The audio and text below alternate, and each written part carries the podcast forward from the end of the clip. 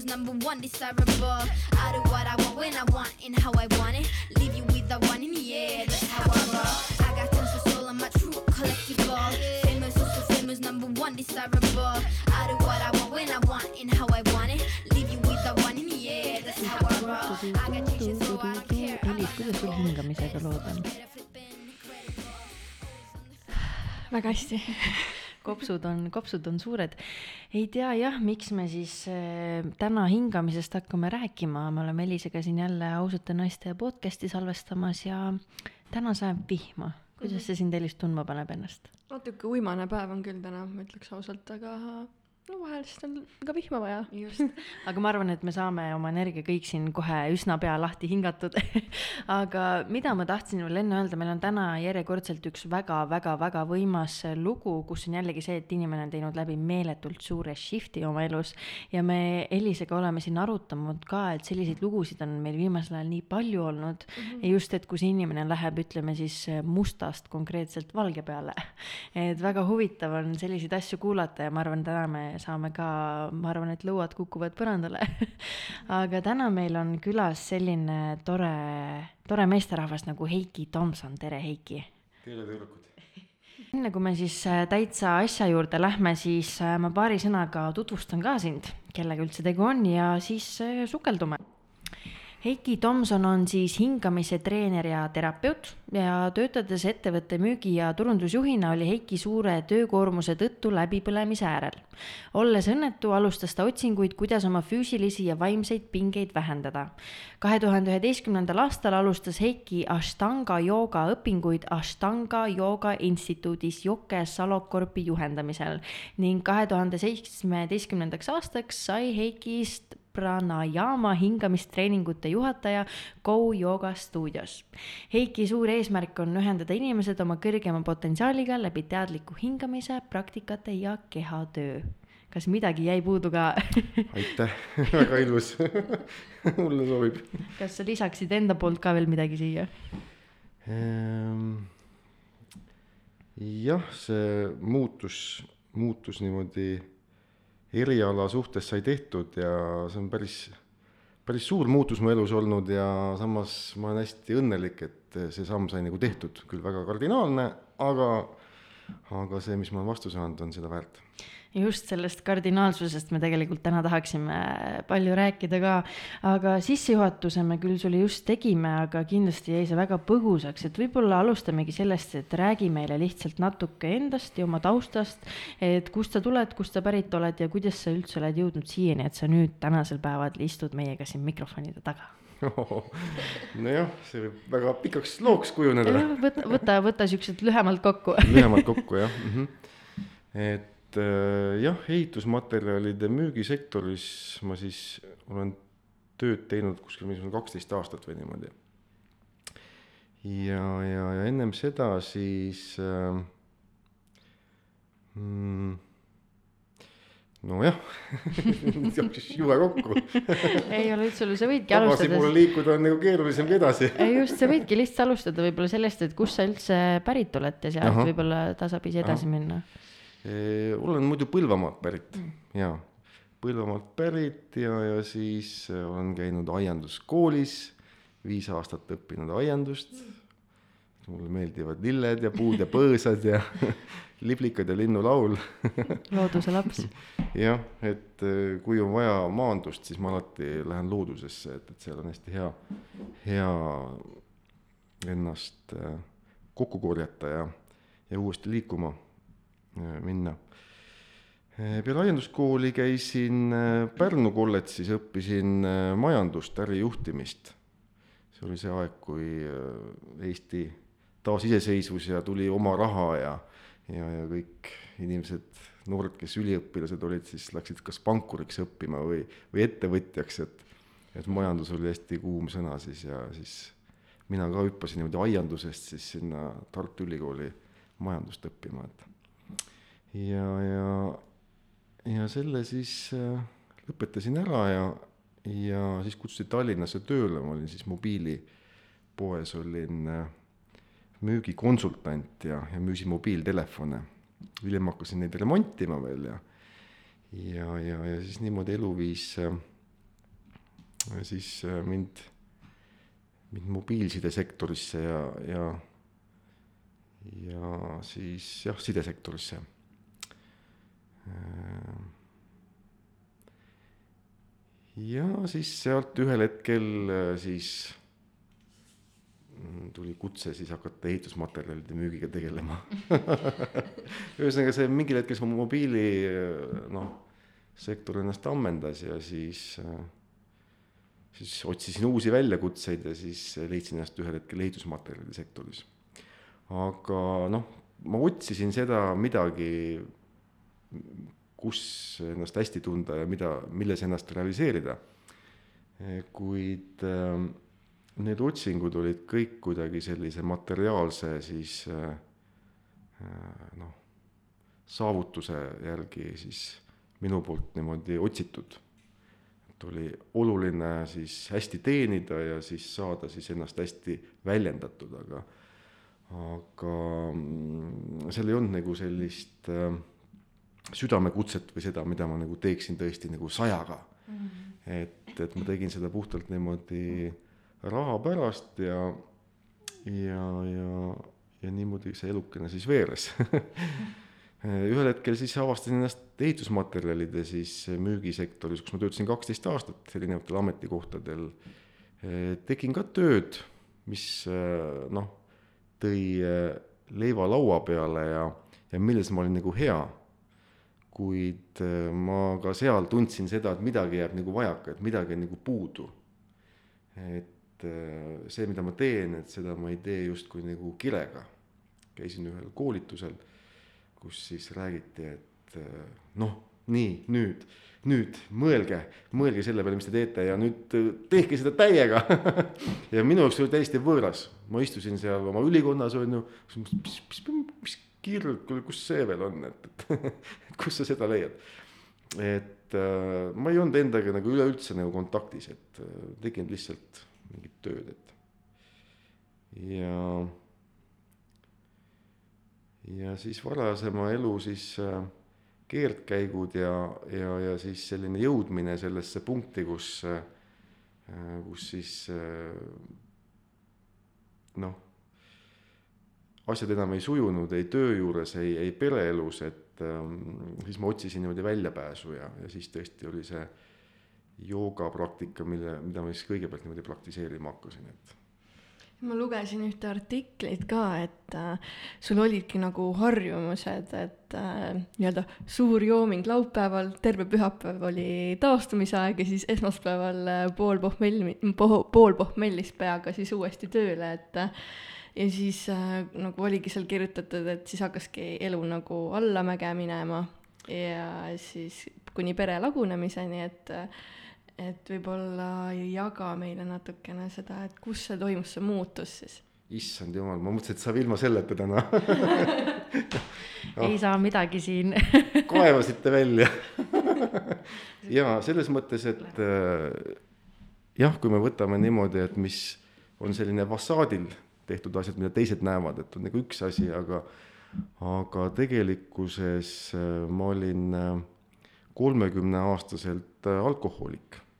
Alkohoolik, kes äh, jõi kolm korda, korda nädalas, niimoodi viis-kuus pudelit õlut ja ja, ja mõnikord rohkem, mõnikord vähem, et, et see oli see reaalsus, kui ma olin kolmekümneaastane, et aga samas mul oli perekond, mul oli kolmetoaline korter ja ametiauto ja lõunamaa reisid ikka perega ja ja väliselt kõik justkui niimoodi nagu väga ilus, aga tegelikult seestpoolt oli midagi väga, väga nagu lahti. just see on jällegi see, mis kardinate taga nagu peitub, et ma usun, väga paljudele tundus su elu lausa perfektne aga tegelikult võib-olla oli seal taga nagu midagi muud. ja, ja elu ütleme muutus päris olulisel määral, kui, kui oligi siis, käisin ühe koostööpartneri koolitusel Soomes ja, ja seal sihuke saunapidu, tulid kõik koostööpartnerid kokku. ja, ja siis võeti ka napsu ja siis seal juhtus selline intsident, et äh, noh, jõin nagu rohkem kui vaja oli ja justkui muutusin äh, teistele nagu ohtlikuks. võeti kinni, mitu meest keerasid käe selja taha ja mind viidi kartserisse äh, siis magama Soomes. betoonpõrand võeti särgid seljast ära ja palja ihu, ülakehaga siis olin hommikuni seal, veetsin aega, siis tulin, noh mind enam seltskonda kaasa ei võetud, saadeti bussi, mitte bussi peale, vaid äh, laeva peale. ja, ja siis tulin Eestisse tagasi, käsi oli välja väänatud, ei liikunud õieti, niimoodi rippus pigem külje peal pea oli haige, mõtlesin töö juurde minna, et, et kuidas ma seal ülemusele räägin, et noh, mis seal juhtus. Per-, noh, perekonnas elukaaslasega, noh, kuidas ma temale kõike seda seletan, et ja, ja siis tulingi koju ja, ja siis äh, omal oli pea haige, siis elukaaslane ütles mulle, et ma ei armasta sind enam.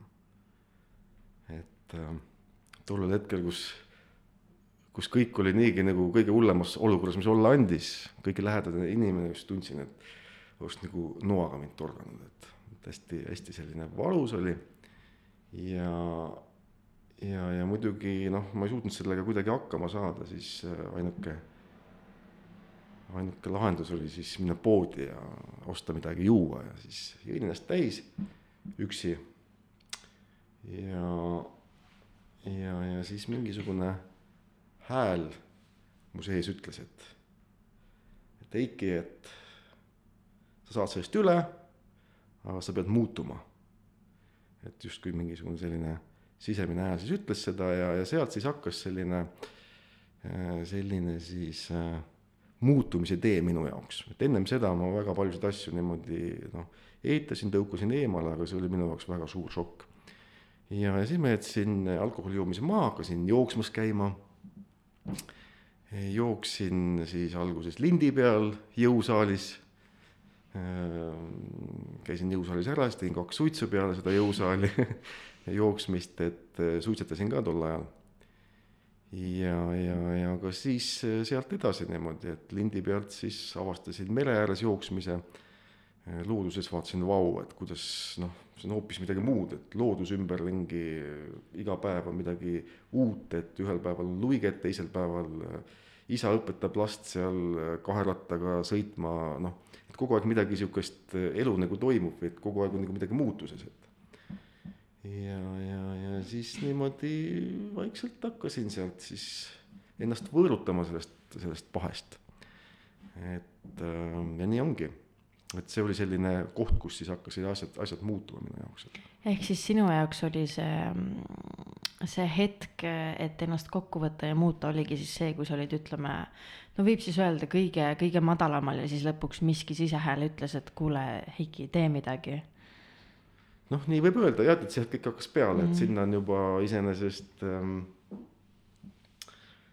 seitseteist aastat möödas mm, -hmm. et see on nagu pikk, pikk aeg, et et siia tänasesse päeva niimoodi jõutud on. aga räägi seda, kuidas, kuidas siis ikkagi see üleminek toimus, et sa olid mingil määral, ma sain aru, töönarkomaan, igast muud sada asja, tegelikult kui inimesed sellises punktis on, siis et keerata nii-öelda uut lehekülge või alustada, alustada täiesti nullist, siis see, mina olen aru saanud, et see tundub inimeste jaoks nagu võimatu. et sa otsid igat teist vabandust, et mitte seda teha ja sellise shift'i, shift'i tegemine on selline, et see on viimane asi, mille peale sa nagu mõtleksid, et kuidas sul see nagu tuli või kuidas sa leidsid selle tugevuse enda sees ja eriti veel, kui sa olid üksi ka, nagu sa mainisid? nojah, see lihtsalt tuli niimoodi ja see oligi siis see tõde ja oli vaja sealt edasi minna, et tagasi enam kusagile nagu minna ei olnud mm. -hmm. minu jaoks vähemalt tol hetkel on ju, et noh. et see oligi selline nullpunkt.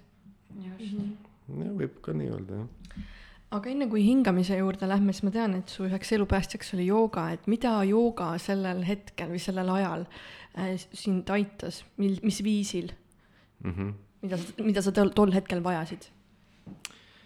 Eh, no jah, ma olin jooksmisega tegelenud, ma juba siis eh, noh, olin eh, jooksnud siin paar maratoni läbi ja niimoodi neid erinevaid sügisjooksusid, et ähm, aga jah, ma lugesin erinevat kirjandust ja vaatasin, et oh, et et jooga võiks olla justkui see, mis aitab mul sellisest emotsionaalsest ülekuumenemisest vabaneda, et ma nagu mõistsin, et äh, mul on vorm on nagu hea, ma tunnen ennast suurepäraselt, aga justkui mingitel hetkedel ma nagu kuumenen üle.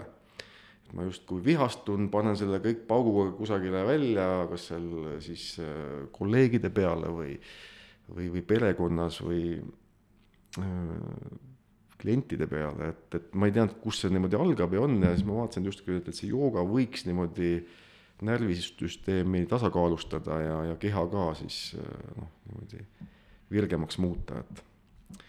Ja, ja ka alguses oli küll niimoodi, et ega see noh, Astanga jooga on hästi selline dünaamiline jooga ja ja, ja esimene aasta oli ikkagi selline mm, suur piin, et ainuke selline ilusaim hetk oli Savastana asend viisteist minutit peale kõikide harjutuste tegemist, kus said pikali maha selili visata ja olla ainult. Et ennem seda oli selline noh, suur eneseületamine ja noh, alguses kõike seda sai tehtud nagu ego pealt, et niimoodi vaatasid, teised painutavad ja siis ise painutab veel rohkem ja et homme veel rohkem ja täna veel rohkem, et et, et see tuli kuidagi kõik läbi sellise nagu pingutamise, aga jooga, jooga filosoofia tegelikult on nagu vastupidi, et et hinga ja lõdvestu ja siis koos selle lõdvestumise hingamisega painuta mm. et, et selleni ma jõudsin siis alles mõne aja pärast, et aga kuidas üldse, ütleme, su kolleegid, lähedased, tuttavad selle suure muutuse peale reageerisid, et sa olid üks Heiki ja siis järsku sa olid jooksev, joogat tegev, hingav, hoopis teine Heiki, et kuidas, kuidas selle nagu tagasiside oli? väga tore, selles mõttes, et ähm, tuttavad reageerisid äh, suure üllatusega ja elasid mulle kaasa väga minu muutustele, et et et ähm, jah, ja osad inimesed on sellest ajast jäänud minu kõrvale, osad sõbrad on vahetunud. et ähm, perekonnaga jah, no perekond on mind alati toetanud, et õed, õde, õde, vend ja ema-isaga, et jah. kui sa joogatama nii-öelda asusid, eh, mis, eh, mis märke sa nagu märkasid endas Äh, mis muutusid. et äh, kas selline suur äh, nii-öelda töö tegemine ja selline stress nagu kadus või mis ilminguid sa nagu märkasid?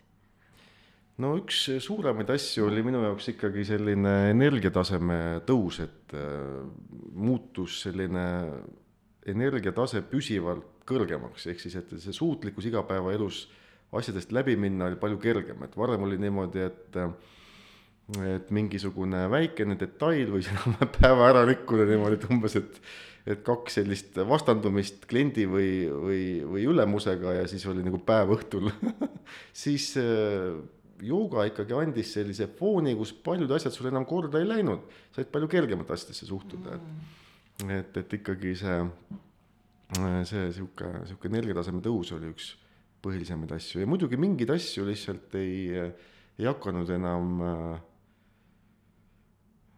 noh, nagu häirima või ühesõnaga, et mingid asjad kukkusid või kadusid minu elust niimoodi nagu ära mm.. ma olengi nagu kuulnud, et kui sul on tõesti nagu noh, sa oled väga nagu nii-öelda halvas seisundis või sul on e-, ebameeldiv emotsioon üleval, siis äh, mine kasvõi liigutama või tõesti tee mõned joogaharjutused, et see paneb nagu energia liikuma. Ja kui sa nagu liigutad, siis äh, hakkavad mingid äh, taipamised tulema või hakkavad, midagi hakkab nagu ühesõnaga nagu liikuma. Mm.. et äh, ka omast käest, kui mul oli nagu depressiivne periood äh,, siis ma tegin ka joogaharjutusi ja ma tegin ka ka hingamisharjutusi ja see oluliselt leevendas mu kehalist nagu sellist stressitaset. et mm. kuigi vahepeal on see, et ma mäletan, kui mul oli keeruline periood, kui keegi ütles, et mine lihtsalt välja jooksma, siis vahepeal oli sihuke tunne, et no lihtsalt no ei lähe nagu, et sa ei tõuse püsti ja sa, sa ei hakka lambist ennast liigutama, et no ma ei taha ja, ja muidugi, et ise peab nagu tunnetama, et mis ei tohi sellist nagu trotsi ka seal taga mm. olla, et noh, vaata, kui keegi soovitab, siis see on jälle see, et äh, mis meil eelmises saates oli, ükskord oli, et äh, ei tule meelde, et noh, et keegi soovitab, aga tegelikult ei taha su probleemiga nagu ah, tegeleda. see, see toxic positivity või midagi taolist nagu. noh, midagi sellist jah, et aga mina tahtsin küsida, et ähm, sa ütlesid, et tolles punktis sa siis hakkasid tegelema selliste otsingutega, et kuidas oma olukorda parandada, aga kuidas sa just täpselt, ütleme, hingamiseni välja jõudsid, et väga paljud inimesed ju leiavad erinevaid väljundeid, et kuidas sina jõudsid selle hingamine, hingamiseni siis just mm? -hmm. Noh, oligi niimoodi, et tegin joogat Äh, juba vist poolteist aastat või niimoodi ja siis joogaklubisse tuli Sami Mälk ja pranajama hingamisõpetaja workshopi andma poolteise päevast. ja, ja mõtlesin, et noh, lähen ka, et, et vaatan, et mis siis seal, mis see hingamine siis, mismoodi see käib ja mis, mismoodi see töötab ja ja siis ma vaatasin, et vau, et kuidas on võimalik lihtsalt niisama istudes, hingates, pikutades sihuke seisund saavutada, et käed surisevad, keha on täiesti lõdvestunud, pea on mõtetest tühi, on ju, et selline täiesti nagu äh, oh. et ja, ja siis Samiver rääkis seal juurde, et on võimalik äh, läbi hingamise kehakaalu vähendada, peavaludest vabaneda, unehäiretest vabaneda, kiirema, kiiremat siis reaktsioonikiirust saavutada, äh, vabaneda siis emotsionaalsest ülekuumenemisest, noh, see oli nagu minu teema, see emotsionaalne ülekuumenemine, et äh, ja, ja siis ma vaatasin, et vau, et ta räägib nagu nii palju nagu mingisugune telereklaam, et et lubab kõik, et osta, osta, osta, osta ja saad veel allahindlust ja siis äh, kõik probleemid on nagu lahendatud, et. Aga kuna see tõesti avaldas sellist muljet, see hingamise lihtsalt niisugune lihtsus, siis ma hakkasingi seda regulaarselt noh, praktiseerima ja ma tol hetkel olin noh, oma sellises ideaalses kehakaalus. ma olin siis kolmkümmend kolm või neli. noh, ühesõnaga ma olin siis seitsekümmend kaheksa kilo, kaalusin sama palju, kui ma kaalusin kaheksateistaastasena. vahepeal kaalusin ka üheksakümmend kolm kilo et kakskümmend kilo nagu rohkem on ju, et aga kui ma hakkasin hingama, siis puhtalt hingamise praktiseerimise pealt, igapäevase praktikaga ma selle seitsmekümne kaheksa kilo pealt tulin seitsmekümne nelja kilo peale. ja see oli kahe, kahe kuu lihtsalt hingamisega, et, et lihtsalt hingamisega keha niivõrd palju puhastub, niivõrd palju toksiine läheb kehast välja, et kui me teeme noh, poolteist tundi hingamise harjutusi, siis äh, pakkuge, palju see verd ära puhastab, mitu liitrit verd poolteise tunni jooksul kehast läbi voolab? noh, hea küsimus nüüd. annan teile vi- annan, annan vihje ka, et inimese kehas on viis liitrit verd, äkki kolm siis?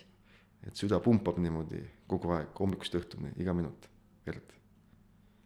et rikastada hapnikuga rakkusid, aidata seal ainevahetust, tuua jääke välja. Ma ütleks ka kolm siis. suurepärane Jee! õige vastus on seitsesada liitrit, aa, jah, et viis on korraga kehas, aga süda teeb kogu aeg, veri, veri muudkui niimoodi käib ringi, eks ole.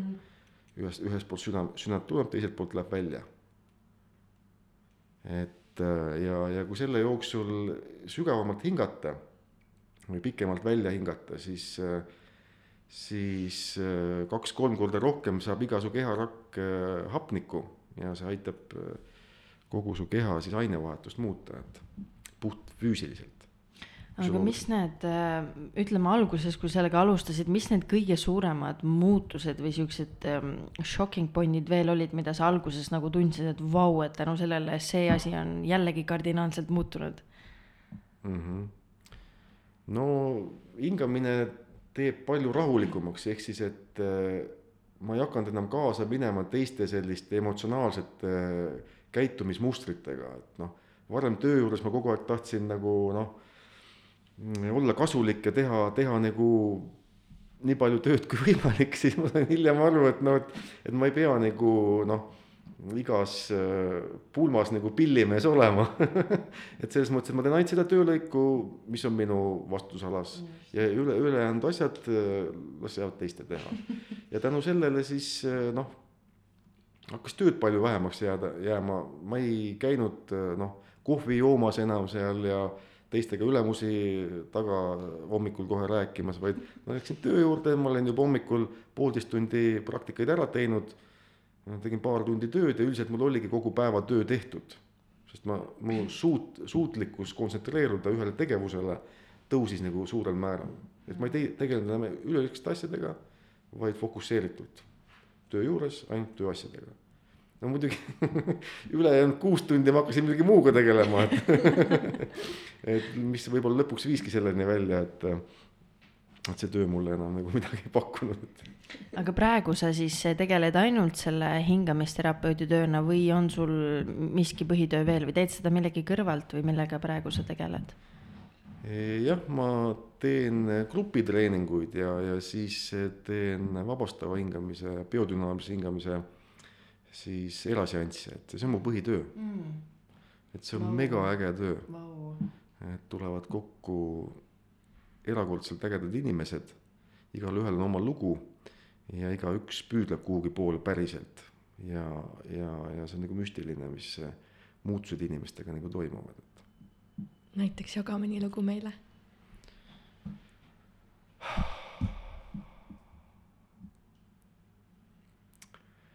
mm, siin on palju sihukest isiklikku, et äh, mida siin jagada, no mulle ikkagi meeldivad nagu need äh, muutused, mis äh, inimestes toimuvad, kes on valinud teadliku hingamise praktika, et noh, pooleks aastaks või aastaks või, või on käinud teraapias, et et samamoodi kui on olnud alk-, alkoholi sõltuvus, et see on noh, meesterahvastel küllaltki keeruline niimoodi sellest välja tulla. ma usun, et ka naisterahvastel samamoodi, et aga, aga hingamine võimaldab kuidagi neid vanu mustreid niimoodi lahti ühendada endast, et ma just mõtlen noh, siis selliseid sügavamaid hingamisseansse, mitte nüüd ütleme pranajaama, aga ütleme vabastav hingamine või, või grupi hingamine, no mul on siin mõned vabastava hingamise seansi kogemused selja taga ka, et äh, kuidas sina seletad, et miks äh, lähevad mingid äh, kehaosad krampi või lähevad täiesti selliseks, et sa ei saa neid nagu liigutada, näiteks käed mm, Mhm. -hmm. mul läks väga suuresti, läks näiteks lõuaosa niimoodi, ma ei saanud rääkida. et Ahah, miks ahah. see juhtub? jah, et, et eh, hingamine ongi selles mõttes selline era-, eriline siis eh, tegevus, kus siis hingates me justkui navigeerime kolme keha vahel, on füüsiline keha, emotsionaalne keha ja mentaalne keha. ja, ja kui me hingame siis eh, selliselt sügavalt loovenergia mustrit, siis meie keha saab kordades rohkem siis energiat. ja, ja meie siis selline füüsilise keha sihuke, ego kaitse äh, süsteem, et vaatab, et oo, mis toimub, mis toimub, et äh, nii palju, et süsteemi tuleb nagu, et ma ei suuda enam kontrollida, et mis, mis värk nagu on, et, et see on nagu see, kus siis kehas tekivad sellised äh, noh, blokeeringud, ehk siis, et energeetiline noh, need kanalid ei ole nagu puhtad, ei, ei võimalda niimoodi suurel määral energiat niimoodi läbi lasta ja sellest siis tekivad erinevad siis siuksed füüsilised äh, siis krambid aist-, aistingutena, mis võivad ka päris valusad olla teinekord, et ja, ja lõu võib krampi minna, eks ole, et, et see ongi, et muidu hingad.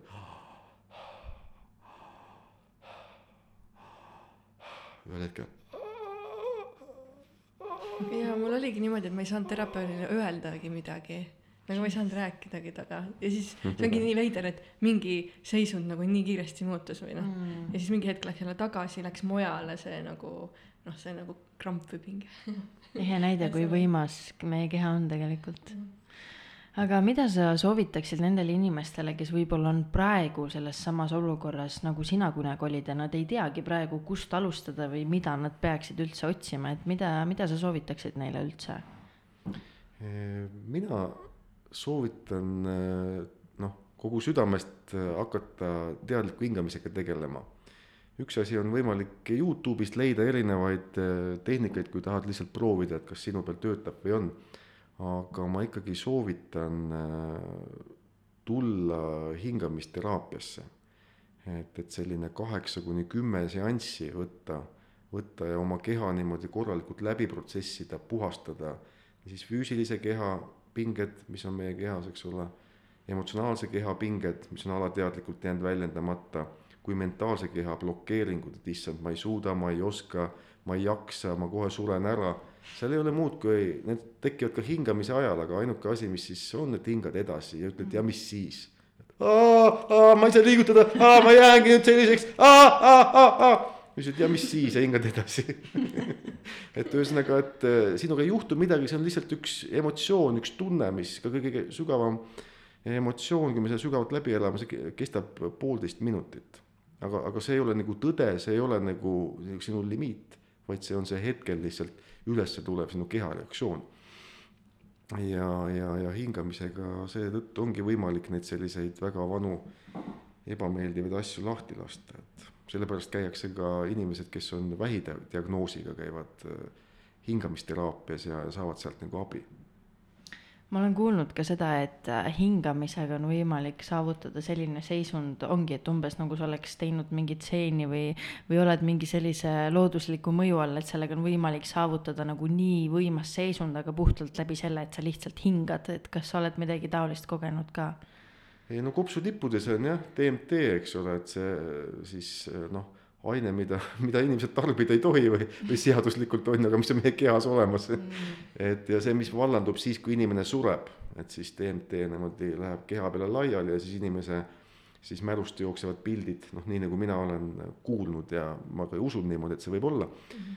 et ähm, ja, ja seesama aine on siis võimalik oma keha peal niimoodi ellu äratada ja tänu sellele siis ongi võimalik see, see muutunud teaduse seisundist saada väga, väga sügavaid taipamisi, mõistmisi, et äh, noh, mille siis igapäevane selline kasutusele võtmine oma kehas avaldab, avardabki sinu potentsiaali nagu noh, suuremal määral, et et, et see, seetõttu noh, kasutavad hingamispraktikaid äh, sportlased ja lauljad ja me oleme siin nii palju hingamisest rääkinud, aga võib-olla keegi ei teagi, mis asi see teadlik hingamine üldse on, et kuidas sa lihtsates sõnades seda üldse defineeriksid mm? -hmm.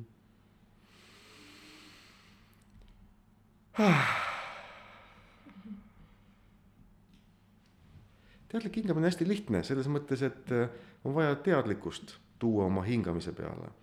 Ja, ja me tegeleme kahe asjaga, me tegeleme hing-, hingamise vaatlemisega ehk siis me vaatleme, kuidas me hingame. või siis me teeme mingil kindlal moel hingamisharjutust, noh näiteks hingame viis sekundit sisse, hingame viis sekundit välja. see on selline teadlik hingamine, kus me siis paneme teadlikult ennast sisse. ja, ja teine pool on siis vaatlev hingamine, kus me lihtsalt vaatleme oma hingamist, kuidas meie hingamine keha peal toimub. ja me ei anna talle mitte mingisuguseid hinnanguid, ei võrdle seda mitte millegagi, vaid lihtsalt kogeme seda tunnetame seda. mis teeb selle nagu siis eriliseks? teeb selle, et me toome oma, oma teadlikkuse selle hingamise peale. et kui igapäevaselt inimene mõtleb oma kuuskümmend viis tuhat mõtet päeva jooksul läbi, noh, enamus nendest alateadlikud, lihtsalt mingisugused hinnangud ja mõtted käivad alata-, noh, alateadvusest läbi, sa isegi ei, ei teadvusta neid, neid mõtteid. Siis noh ja osad siis on see, need, mis sind siis ütleme, toetavad ja innustavad, osad on need, mis sind vastupidi niimoodi nagu maha tõmbavad, on ju. siis selle hingamise ajal me toome kõik selle tähelepanu, selle meele fookuse ühte kohta, kõik su kuussada viiskümmend miljardit rakku joonduvad ühel hetkel sinu selle hingamise peale. et see on tohutu energia, tohutu jõud, millega on võimalik noh saavutada nagu muutuseid, et ja seda on võimalik veel reguleerida keha peal mm.. see ongi siis nii-öelda see ideaalne hingamine.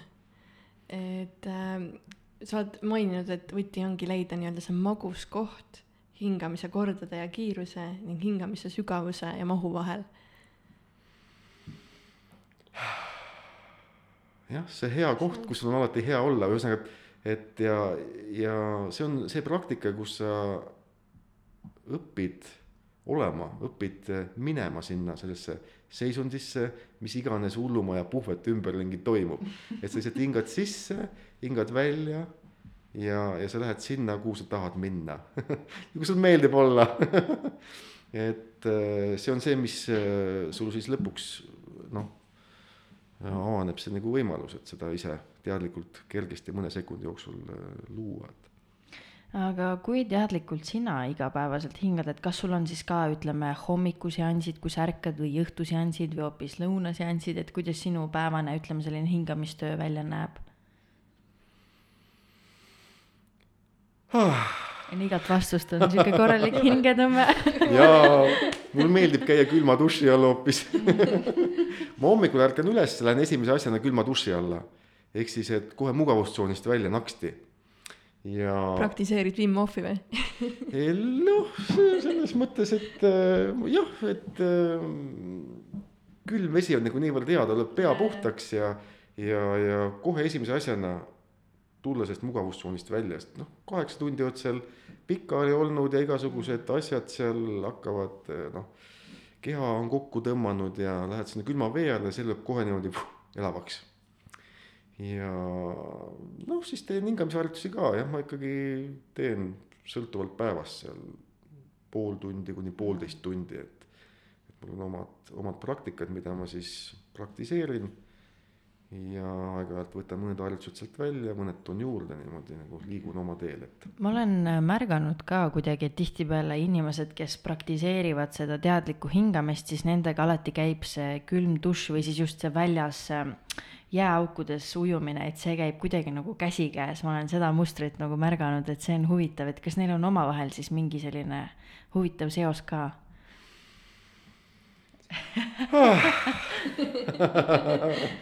No võib-olla, võib-olla ei ole ka. Et mina tegelikult ausalt öelda, kui ma külma veega kokku puutusin poolteist aastat tagasi, käisingi siis ühel Wim Hofi noh, siis kursusel Soomes. sõber tegi seal ja, ja see oli minu jaoks suur šokk, et ma mõtlesin, et ei, ei, et noh, mulle see noh, külmavee värk ei ole nagu minu oma, et, et see on selline nagu niivõrd brutaalne, kahe sekundi jooksul kohe sa lähed, äh, keha viiakse sul ähm, afektiseisundisse, et sa ei, see mulle nagu ei sobi. et äh, sain selle kogemuse, mulle meeldib paljugi rohkemalt nagu äh, nauditavalt hingata, lõdvestunult hingata, minna nagu läbi lõdvestuse, mitte mingi läbi šoki mm.. et aga aga siis juhtus nagu see asi, et äh, ikkagi ma hakkasin talisuplejaks, et see juhtus niimoodi, et äh, noh, see koroona siis äh, noh, pandeemia või kuidas seda nimetatakse, tuli ja öeldi, et nii, sõbrad, maski on vaja kanda.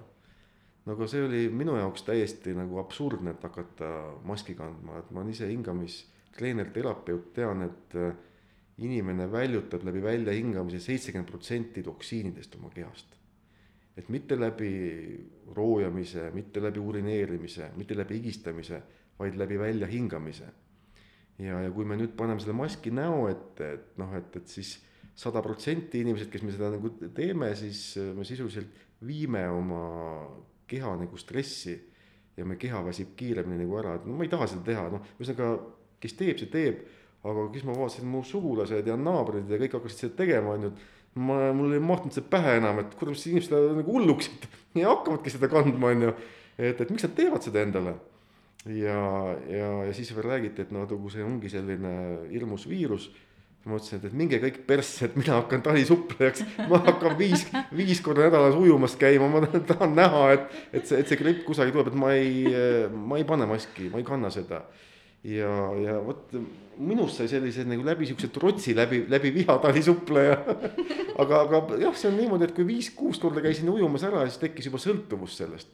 sest et see on nagu niivõrd megavägev, kui sa ikkagi lähed selle kuuekraadisesse merevette mm. täielikult sisse ja tal lööb nagu psüühika täitsa niimoodi nagu paigast ära või ühesõnaga nullid täiesti reset'i teeb. Nii et, et kui sa ennast väljendad, siis sa oledki totaalselt autentne. ehk siis, kui sa niimoodi naerad, siis see ongi ehe naer või kui sa teed mingisuguse sõna või lause, noh, millel ei pruugigi mingisugust sügavat tähendust olla, aga see on sada protsenti autentne. Ja see on nagu nii ilus ja äge, et noh, et siis eh, ma lihtsalt nakatusin hoopiski teise asjaga kuidagi teise nurga alt täitsa, täitsa see story jah, et Äh, sa oled maininud ka, et vähene hingamine põhjustab kõrget vererõhku, äh, mida ravimitööstus ei tahaks, et me teaks mm. -hmm. jaga seda natuke.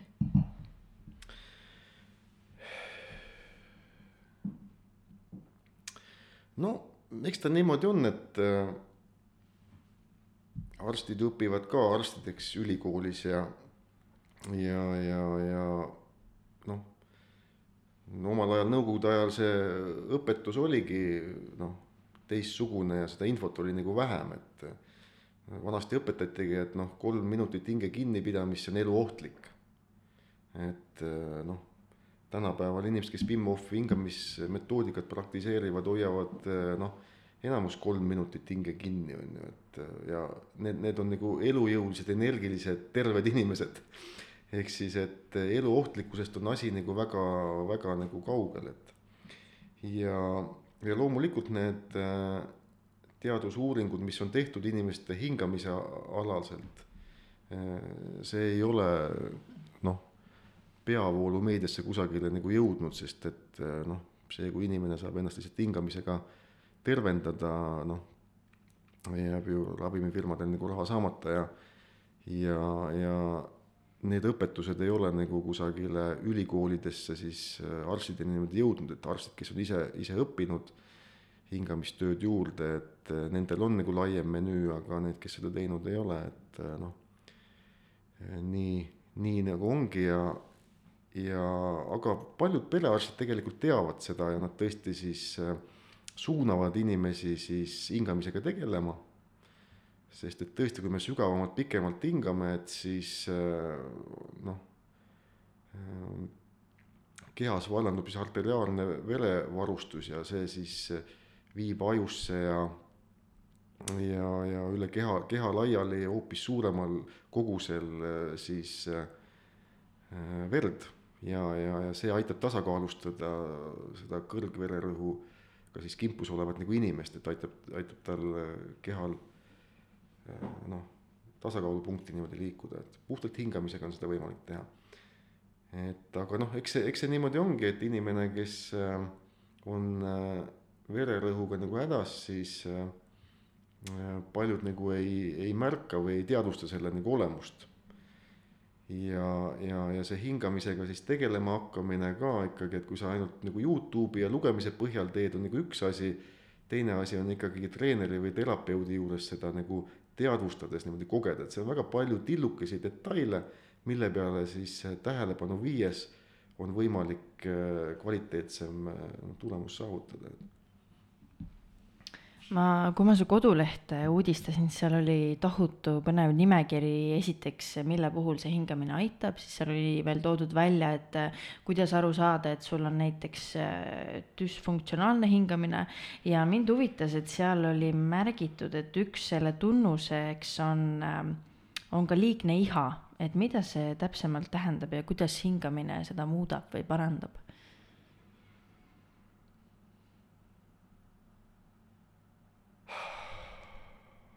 mulle meeldivad need rasked ohked enne igat vastust jaa, selles mõttes, et ähm, mm, ihade puhul on see, et ähm, iha, ihadega, ihadele võib järgi anda, eks. minna nendega kaasa, teine variant on, et äh, neid lihtsalt äh, äh, kogeda ja, ja teadvustada ja, ja teha teadlik nagu valik, kas nendega kaasa minna või nagu mitte ja, ja hingamine aitab nagu selle äh,, selles protsessis niimoodi sammukese niimoodi taga, tagasi astuda. et äh, noh, tänapäeval see on justkui programmid, et mingid asjad kisuvad meid tohutult kaasa. et inimesed tahavad tööd teha, tööd teha, üle, üle töötada, nad ei saa nagu pidama. et kogu aeg tahavad veel teha, tahavad nagu veel teha, tahavad veel teha. aga see, kui see, see tung on nagu kangesti teha midagi siis just äh, selline teadlik valik on see, et nüüd on see hetk, kus on vaja tagasi astuda, nüüd on vaja sügavamalt hingata ja, ja tasakaalustada, lasta, lasta, lasta see, sellel ihal niimoodi lahtuda, lasta see vabaks, see tung, mis on meis esile kerkinud, et. Issand, ma ehmatasin. see ongi võib-olla, et kui on mingi ebameeldiv olukord, siis äh, olla selles, mitte põgeneda sellest situatsioonist koheselt mm. -hmm. et see on ka võib-olla nagu see mõte, mis jäi nagu kõlama mm -hmm. minu arust mm. -hmm. Äh, aga kas äh, sul on ka olnud mingisugune suurim avastus või õppetund äh,, kui sa oled selles teadliku hingamise maailmas nagu tegutsenud, nii-öelda enda suhtes mingi suur avastus mm? -hmm. nüüd tuleb jah, see on kindlasti jah, et äh, et on võimalik äh, kõike vabaks lasta läbi väljahingamise, ohkamise, lihtsalt lased vabaks. see on selline, et sa hingad sügavalt sisse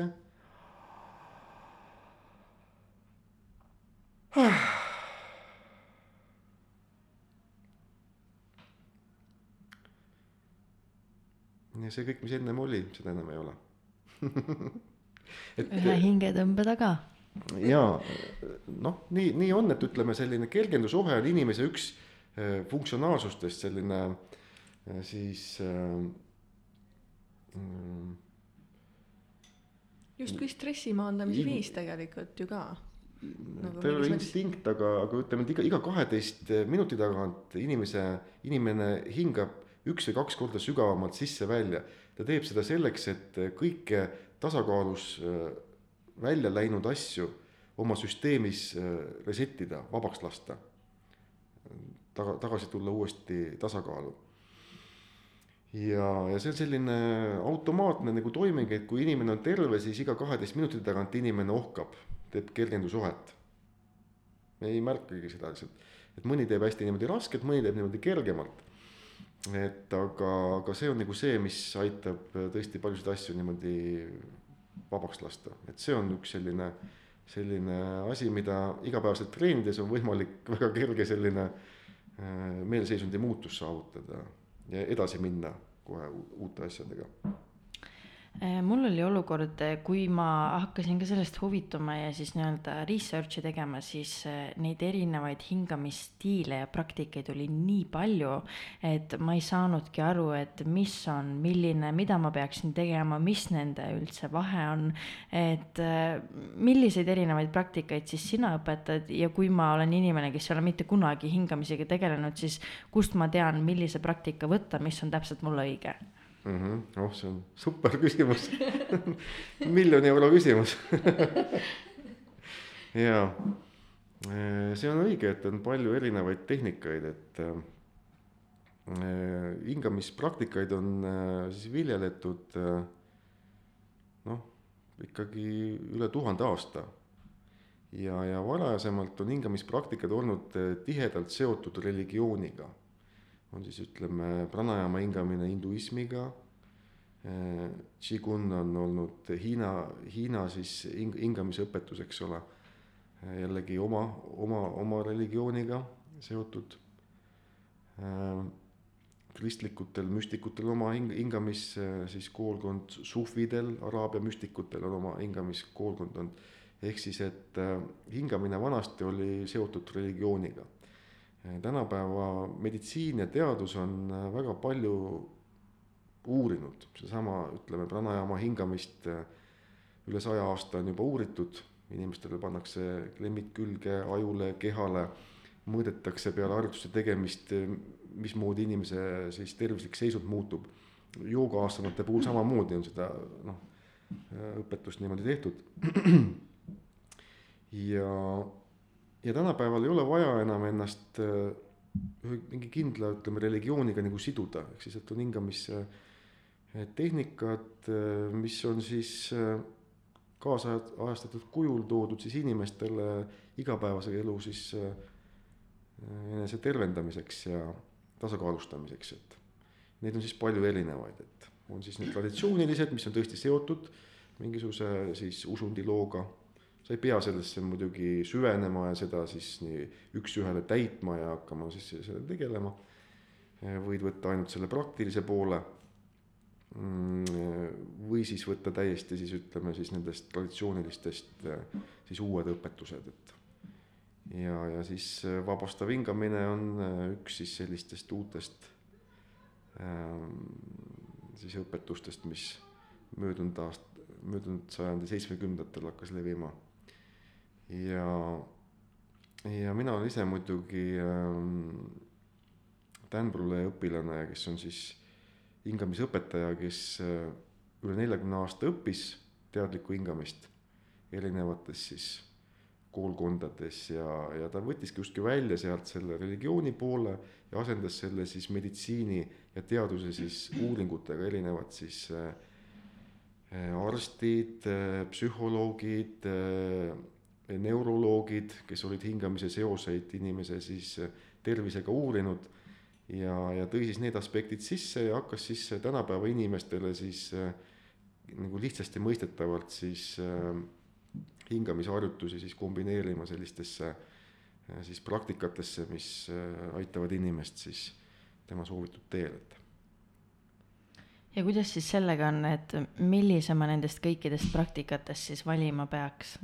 jah, et äh, sõltub sellest, et mida sa soovid nagu saavutada, et kas sul on äh, on sul tervislik mingisugune äh, väljakutse, kannatus, millest sa soovid vabaneda, kas sa soovid oma mindset'i, et siis meelepuhtust häälestada, soovid sa enda fokusseerimisvõimet saavutada, soovid sa mingit kehapiirkonda aktiveerida, et, ähm, et ta paremini töötaks et või soovid sa saavutada, soovid sa saavutada tulemusi enda siis alal, on siis näiteks laulmine, sügavalt südamest laulda, et, et see, mis sa laulad välja, et see tuleks, puudutaks teiste inimeste hingesid. et selleks ähm, hingamisharjutused aitavad sul südamesse paremini kontakti tulla ja läbi selle sa saad paremini laulda. sportlased teevad jällegi selleks, et äh, nad on hästi intensiivses äh, äh, siis keskkonnas, kus nad peavad sooritama, nad võistlevad omavahel, seal on palju-palju mängus äh, latt on kõrgemal kui kunagi varem, sa pead selle hüppe peale minema, sa pead sada protsenti saama selle tehnilise soorituse. et hingamine on nagu see, mis aitab sul äh, luua selle, selle selguse, selle rütmi, et muu maailm nagu sind ei, ei mõjuta enam nii palju. et äh, jah see on ikka nii võimas, ma iga päev imestan selle üle, et tegelikult kõik, äh, mis, mida me tahame või vajame või kui me tahame kuskile seisundisse jõuda, siis meil ei olegi vaja mitte midagi tarbida või võtta, vaid see kõik reaalselt ongi meie kehas olemas, et lihtsalt mingite praktikatega sa pead sinna jõudma. et äh, tegelikult viskame aga riided seljas ja lähme elame metsa sees ja muud ei olegi vaja nagu hingamisega on sihuke asi, et äh, noh ma olen kuulnud ja lugenud, et ehm, kõikidel naistel ei õnnestu orgasmi saada. noh, seksuaalselt suheldakse, ollakse, aga ütleme, selline orgastiline kogemus kehas noh, ei, ei tule esile, ei, ei õnnestu või noh, lihtsalt niimoodi nagu on. et äh, hingamisteraapia on nagu see, mis võimaldab sul oma keha nagu õppida tundma ja, ja näha, et ühesõnaga, et, et see, mida sa varem oled võib-olla kakskümmend aastat nagu kogenud ja mis on sinu jaoks justkui olnud selline äh, saavutamatu nagu asi, et äh, sa võid seda ühe-kahe hingamisega nagu näha, et su keha tegelikult töötab täiesti hästi mm, -hmm. lihtsalt on vaja natukene nagu hingamist nagu sättida.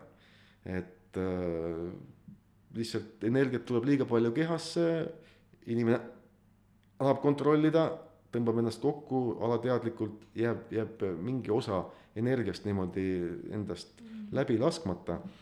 ja, ja jah, et see on sihuke ma ei tea, miks seda rääkima hakkasin ei no ma arvan, et see on vägagi kasulik ja väga. väga aktuaalne teema ka kindlasti. kas sul on siis ka see, et kui sa neid praktikaid teed, et siis kui inimene tuleb su vastuvõtule, et siis sa esialgu kuulad ära, et mis mure tal on, mida, millega oleks vaja tegeleda ja siis lähed edasi nagu hingamise juurde? Ehm, ja noh, selles mõttes, et äh, tera-, terapeudina kõigepealt ma kaardistan jah, inimese noh kuulan, mida ta, mis on ta vara, varasem elukogemus ja mm. kuhu ta liigub ja ja, ja mis siis sealt jutu tagant veel välja, välja paistab ja on ja aga ütleme, mille pealt saab liikuma minna, on seesama hingamine, et kui inimene hakkab nagu hingama, siis siis ta võib rääkida sulle ükstapuha mis lugusid muinasjuttusid on ju, aga hingates sa ei saa nagu valetada, selles mõttes, et kui sa hingamisteraapiat teed, su keha teadvus aktiveerib ja ta hakkab ennast väljendama. või siis kui ta ei saa ennast väljendada, siis see väljendub nendes hingamismustrites. ja, ja, ja sealt tuleb palju informatsiooni, ehk siis, et ütleme, see hingamine inimese siis eh, juures on ka see, mis aitab, aitab talle siis eh, toeks olla nagu parimal moel või aidata talle valida nagu see, mis, mis teda aitaks praegusel hetkel edasi, et meil on erinevad kehatüübid, erinevad vanused, eh, erinevad tervislikud seisundid, et et see hingamine on justkui selline hea indikaator, mis näitab, et kus inimene tegelikult praegu nagu on oma suutlikkuse poole pealt, et. kas sa oskaksid soovitada meie kuulajatele mõnda lihtsat äh, hingamispraktikat, mis nad võiksid äh, äh, teha kodus? või praegu siinsamas seda saadet kuulates. rõõmuga, rõõmuga, teeme koos no teeme. olete nõus? muidugi. üks sihuke lihtne, lihtne harjutus teeme kõik kaasa selles mõttes, et ärme siin viili, et äh, kui juba saadet on kuulatud pikalt, et siis võtke ka see, see, see kirss tordi peale vastu, et äh, pane pehmelt silmad kinni. ja hakka nina kaudu sisse-välja hingama, sulle sobivalt niimoodi pehmelt. lase kõik mõtted peast vabaks ja too kogu tähelepanu oma keha peale. Too tähelepanu oma südame peale ja hakka justkui läbi südame sisse ja välja hingama. ja kujuta ette, kuidas see hingamine tuleb südamesse ja välja hingates läheb välja.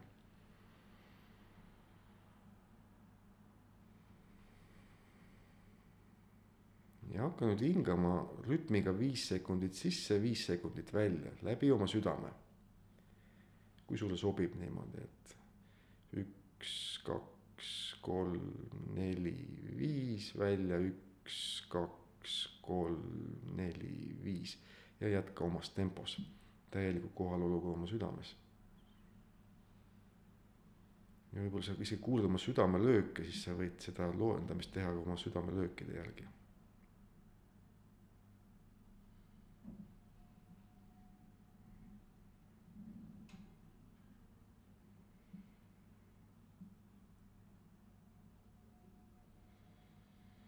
ja olles nüüd oma südames, mõtle inimese peale, keda sa kogu oma südamest armastad, kes on sinu jaoks oluline ja tähtis ja ja iga sissehingamisega hakka saatma sellele inimesele armastust ja tänutunnet. et ta on su elus ja, ja teeb su elu elamisväärseks ja, ja tähenduslikuks. ja välja hingates lase, lase see lihtsalt vabaks. uue sissehingamisega jälle saada sellele inimesele kogu südamest siiralt armastust ja tänutunnet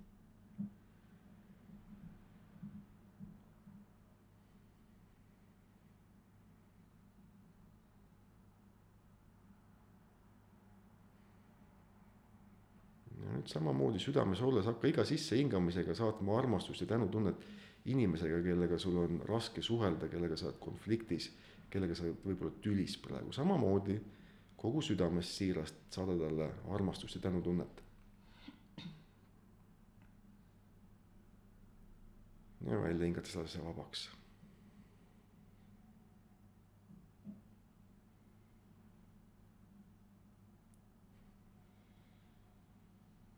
saada sellele inimesele iga sissehingamisega armastust ja tänutunnet ja kaastunnet ja ole, ole tõeliselt tänulik talle, et ta on tulnud sulle siia ellu midagi õpetama, midagi, mida sa muidu poleks kunagi mõistnud ega, ega teadnud ega, ega teada saanud.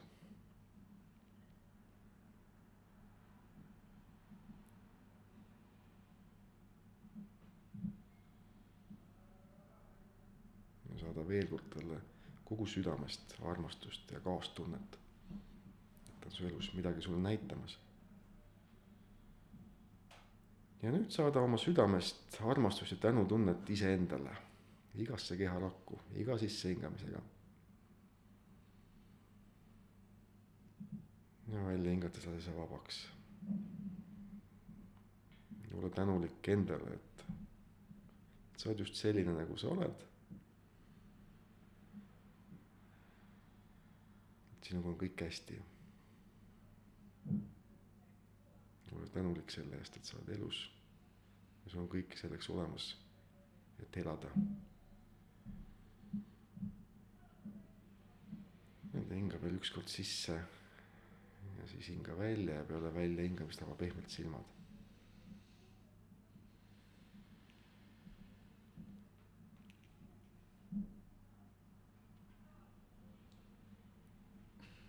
kuidas te tunnete ennast, tüdrukud? Mul läks korraks meelest ära, et me teeme podcast'i ja rahulik, jah, mõnus.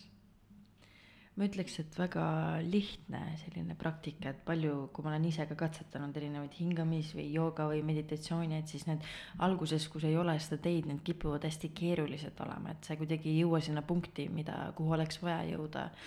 et, et sihuke hästi lihtne ja samas tõi nagu, tõi kohale aitäh selle eest. jaa, palun, ja see on viis sekundit sisse, viis sekundit välja, see on selline koherentne hingamine. see tasakaalustab meie kõik elutähtsad organid, süda, kopsud, maksad, neerud, nad vibreerivad selle null koma ühe hertsi sagedusel. ja ta aitab meid niimoodi iseendaga hästi kontakti saada ja, ja samamoodi planeedi elektromagnetvälia elusenergia väli vibreerib sellesama sagedusega, ehk siis, et meil, meil on võimalus ka paremini ennast maandada, tulla, tulla ennast noh, paremini ka planeediga kokku. et, et sihuke lihtne praktika ja hästi-hästi tervendav, et suurepärane, soovitan kõigil teha viis minutit korraga. lihtsalt hoida tähelepanu südame peal, hingata läbi südame sisse-välja et ei, ei pea tegema, ütleme seda, seda armastuse saatmist või ütleme siis äh, tunne, tunnete sügavuse siis äh, noh, energiatööd sinna juurde, et aga noh, see praktika võib-olla andis selle kogemuse, et äh, meil on võimalik, meil on võimalik midagi saates midagi kogeda, ehk siis, et, et me ei ole ainult nagu, et hapnik on ainult veres ja et me hingame ainult Äh, selleks, et kõik rakud saaksid äh, toitaineid kiiremini vahetada ja vaid et on, on olemas äh, psüühiline hingeõhk, praana, see, mis tegelikult annab nagu asjadele tähenduse ja mis on see, mis meid inimestena eristab nendest inimestest, kes ei tunne midagi, et see on nii lahe, et meie saated on kuidagi praktilisemaks muutumas, et meil oli eelmine saade just käis heliterapeut külas, kes tegi Aha. meile siin ka sellise live meditatsiooni viieminutilise, täna me hingasime.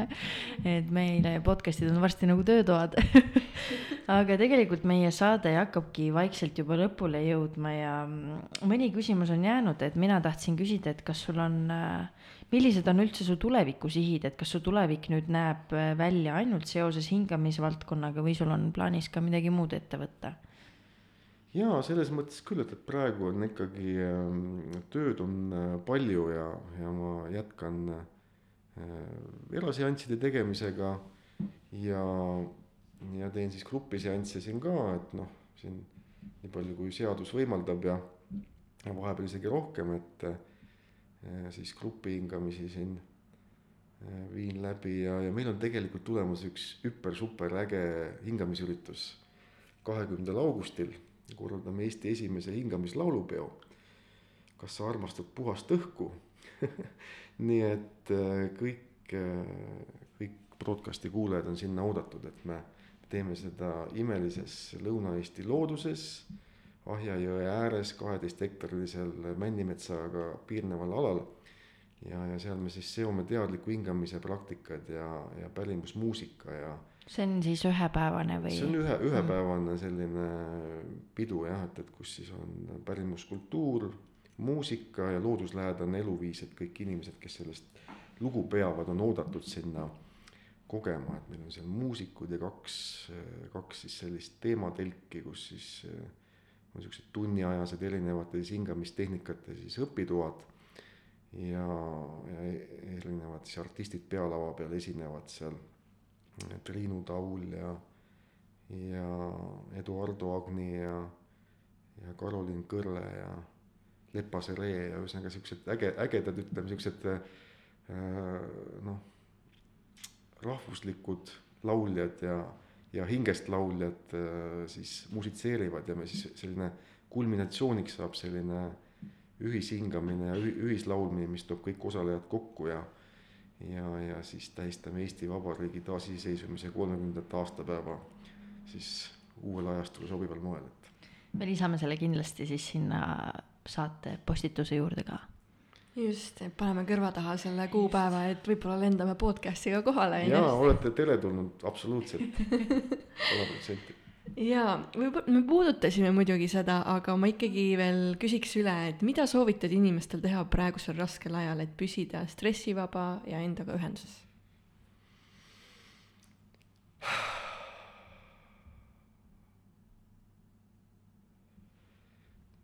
hingata hingata ja elust rõõmu tunda ja armastada, et, et need on nagu kolm asja, et, et mis kõik on, äh, aitavad meil teha õigeid valikuid ja natuke lihtsalt rohkem endale aega võimaldama ja, ja, ja, ja olema rohkem hoolivam oma lähedaste suhtes, et sealt võtta niimoodi nagu hoogu maha, kuigi, kuigi kõik see väli, väline keskkond justkui võib olla selline eemale tõrjuv või segane või sogane või, või agressiivne või hullumeelne, et siis äh, leida rahu endas ja hingamine on suurepärane võimalus seda, seda praktiseerida, et hommikul viis minutit hingamist, äh, enne söömaminekut viis minutit hingamist, peale tööd või enne magama minekust, et, et see aitab, aitab meid keskpunkti tulla endale lähemale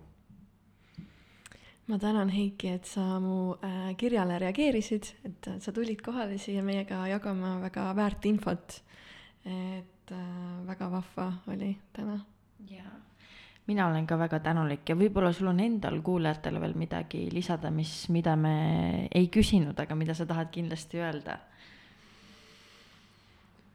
ah.?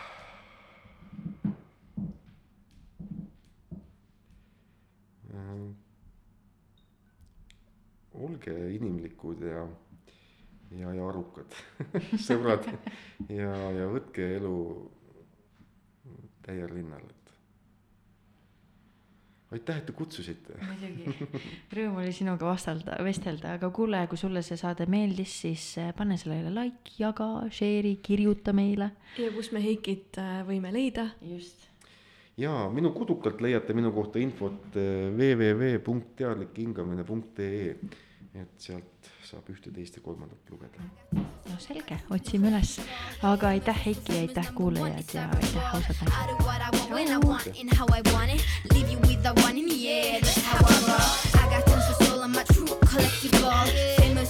famous, number one, desirable. I do what I want when I want and how I want it. Leave you with the one in the air, that's how I roll. I got change and throw, I don't care, I buy no gold. Better, so much better, flipping incredible.